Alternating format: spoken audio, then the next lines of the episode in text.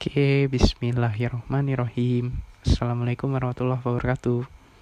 Balik lagi bareng Arif Rahman di sini. Gimana kabarnya? Semoga selalu diberkahi dan dilancarkan semua urusannya ya. Amin. Ini suaraku pelan karena lagi di rumah ya teman-teman. Harap maklum. Episode kali ini proud of my. Biasanya kan ada yang nulis proud of me atau proud of you ini malah proud of my Oke, kali ini aku bakal nyeritain salah seorang yang kalau bisa dibilang sangat berpengaruh ceritanya buat aku. Sampai-sampai aku sempet gak bisa tidur abis dengerin ceritanya. Oke, kita balik lagi ke April 2018. Aku mutusin buat kerja sampingan karena ngerasa gak punya pengalaman kerja sama sekali Pernah sih ngojek, itu pun cuma bentar.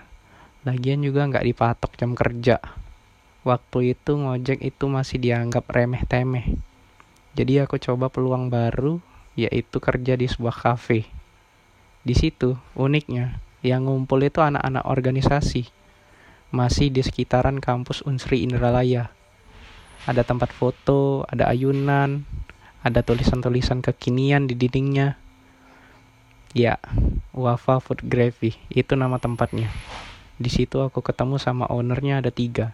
Kak Bahrul yang mimpin bagian produksi, Kak Putra yang mimpin bagian marketing, Kak Lutfi yang mimpin bagian human resource.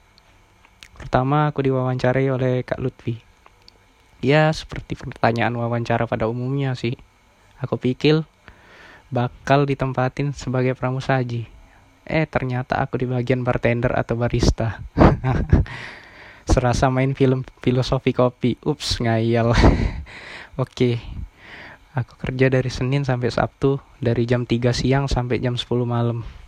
Jadi selain ketemu sama tiga orang owner tadi, aku juga banyak sih ketemu public figure di Unsri. Kak Rahmat Farizal, ada Kak Wawan, terus Kak Ridla, Kak Alan, Kak Gilang yang satu jurusan denganku. Pokoknya orang-orang besar di Unsri kumpul di sini. Terus kalau pegawai aku pertama kali kenal sama Mbak Astri sama Mbak Resti. Mereka ternyata orang Jawa. Mereka sering juga ngomong bahasa Jawa sih. Aku juga keturunan orang Jawa, cuman agak sedikit yang kupahami. Terus di bagian cooking di bagian masak-masak ada Mbak Dewi, ada Anggi. Kalau Ayu ah sudah lama aku kenal. Dia pun satu jurusan sama aku. Bahkan partner kerja praktek. Oke langsung time skip di mana Mbak Dewi waktu itu nggak bisa datang kerja. Ada seseorang mbak-mbak yang gantiin. Namanya Mbak Mai. Mbak Mai ini aku juga baru tahu kalau beliau dulu kerja di Wafa juga. Aku ditanyain sama Mbak Mai, kalau nggak salah beginilah. Kamu bartender baru di sini ya? Iya mbak. Dulu kan kak Randy yang di sini. Terus gimana? Mau minum apa mbak? Yang ada aja lah. Oke memang sih ada beberapa minuman sisa produksi. Yang jelas bersih dan masih terjaga dari mulut-mulut nakal. Terus aku nanya sama mbak Mai mbak aku kayak pernah lihat di pengajaran teknik mbak. Mbak yang ikut BEM teknik ya mbak Iya, jurusanku teknik sejarah. Waduh. teknik sejarah. Ada jurusan teknik sejarah. Emang lah Mbak satu ini pembawaannya emang ceria orangnya. Ya ini orang banyak pengalamannya. Ah, sok-sokan baca orang aku mah. Padahal pengalaman masih zero. Ini aja baru kerja. Jadi baru merintis pengalaman. Oke. Okay.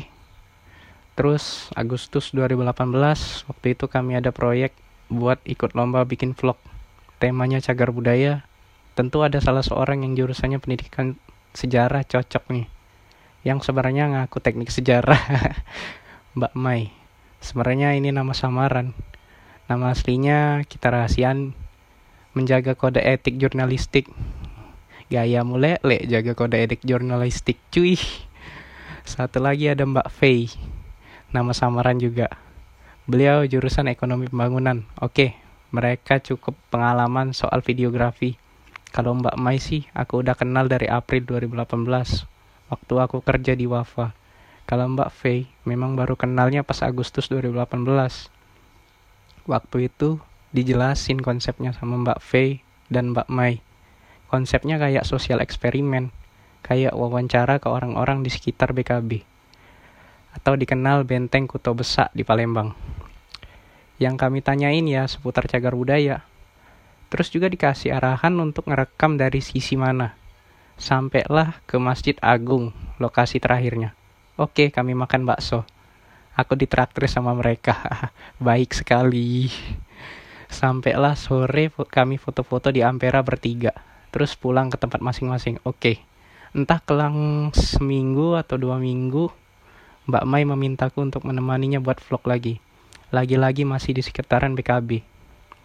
Kalau nggak salah beliau mau bikin untuk urusan skripsinya. Aku diarahin untuk ngerekam dari komplek militer sampailah ke gedung wali kota. Terus kita mau makan ke KFC sekalian sholat zuhur. Gak jamaahan sendiri-sendiri sih. Di musola ada musola di dekat KFC. Sebelum sampai ke KFC, aku nanyain ke Mbak Mai. Aku pikir ini pertanyaan biasa. Ternyata bagi beliau pertanyaan ini nyentuh banget di alam bawah sadarnya. BTW beberapa hari sebelum kita ke sini, aku kan ada ngambil surat apa ya lupa. Penjejakan apa namanya. Pokoknya dari perusahaan batubara di tempatku magang, di Keluang Musi Banyuasin. Kebetulan juga Mbak Mei tinggal di Sekayu Musi Banyuasin. Aku harusnya lewat Sungai Lilin malah nyasar lewat Sekayu. Walaupun bisa lewat sekayu namun lumayan makan waktu. Ya pokoknya habis balik dari ngambil surat itu kan besoknya Idul Adha. Aku coba iseng lah nanya lewat chat ke Mbak Mai. Mbak, balik nggak ke Sekayu?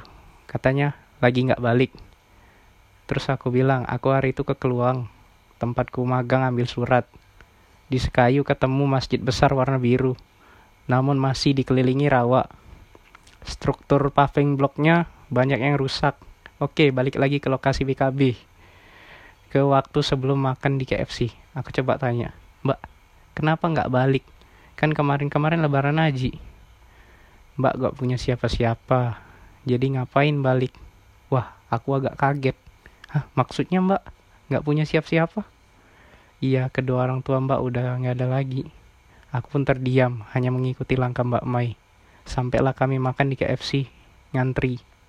Terus makan, Terus aku lihat makanan Mbak Mai nggak habis. Terus aku bilang, Mbak, kalau makan dihabisin, jangan disia-siain. Soalnya makanan beginian mewah kalau di gunung. Biasalah pendaki gunung mah gitu. Selalu aja kalau ada celah ngomong. Ya tak kasih nilai-nilai seorang pendaki gunung. Iya iya iya. Sok bener lu Rip. Mbak Mai hanya diam.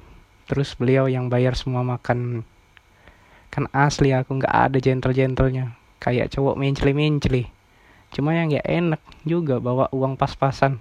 Harusnya aku lebih siap nggak apa-apa lah. Ya sambil jalan aku tanya mbak masih ada saudara kan? Iya tapi nggak semuanya di Sekayu. Kalau di rumah malah keinget sama ayah ibu Rip.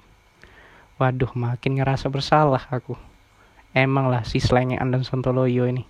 Kalau nanya ya sampai rasa ingin tahunya kelar Udah sampai situ cukup aku nanyanya. Aku antar Mbak Mai sampai ke Kertapati. Atau lebih tepatnya di Simpang Pamor. Di situlah tempat nunggu bus. Dari Palembang ke Indralaya. Aku bilang ke Mbak Mai. Mbak, kalau bus zombie udah nggak ada, bisa naik Damri yang arah Prabu Muli. Atau kalau ada bus ke Prabu Muli ikut aja. Gak lama nunggu, tiba-tiba ada bus. Kami terpisah, aku pulang ke rumah, beliau pulang ke kosan di Indralaya. Aku ngerasa udah resah. Aku pikir pertanyaanku biasa aja. Ternyata punya kesan yang mendalam bagi Mbak Mai. Di situlah aku mulai tahu kalau kesan terkadang lebih cepat ditangkap daripada pesan. Aku pun terus kepikiran soal cerita Mbak Mai. Cerita beliau yang ayah ibunya udah gak ada lagi. Terus cerita beliau yang survive sampai sekarang. Magang dua beasiswa, beasiswa bidik misi sama pemprov terus lewat dari empat tahun beasiswanya nggak ada lagi udah harus survive kerja cari tambahan uang saku dari uang dan uang kos beliau nggak minta-minta sama orang itulah yang buatku salut ternyata ini toh kemewahan di balik perkuliahan yang nggak dirasain banyak orang Terus ternyata ini toh kemewahan di balik masih adanya kehadiran ke kedua orang tua. Aku harusnya bersyukur. Asli, susah tidur. Aku masih terngiang-ngiang. Ekspresi suram Mbak Mai dan cerita pilunya. Aku pikir dia orang yang sangat kuat dan penuh keceriaan. Ternyata selama ini dia menyembunyikan ekspresi itu. Aku ngerasa apakah aku dikaruniai dengan selalu punya kesempatan untuk melihat wajah asli seseorang. Bahkan sebenarnya banyak cerita dan sifat asli orang yang kulihat ketika bersamaku. Namun cerita Mbak Ma ini membekas begitu dalam.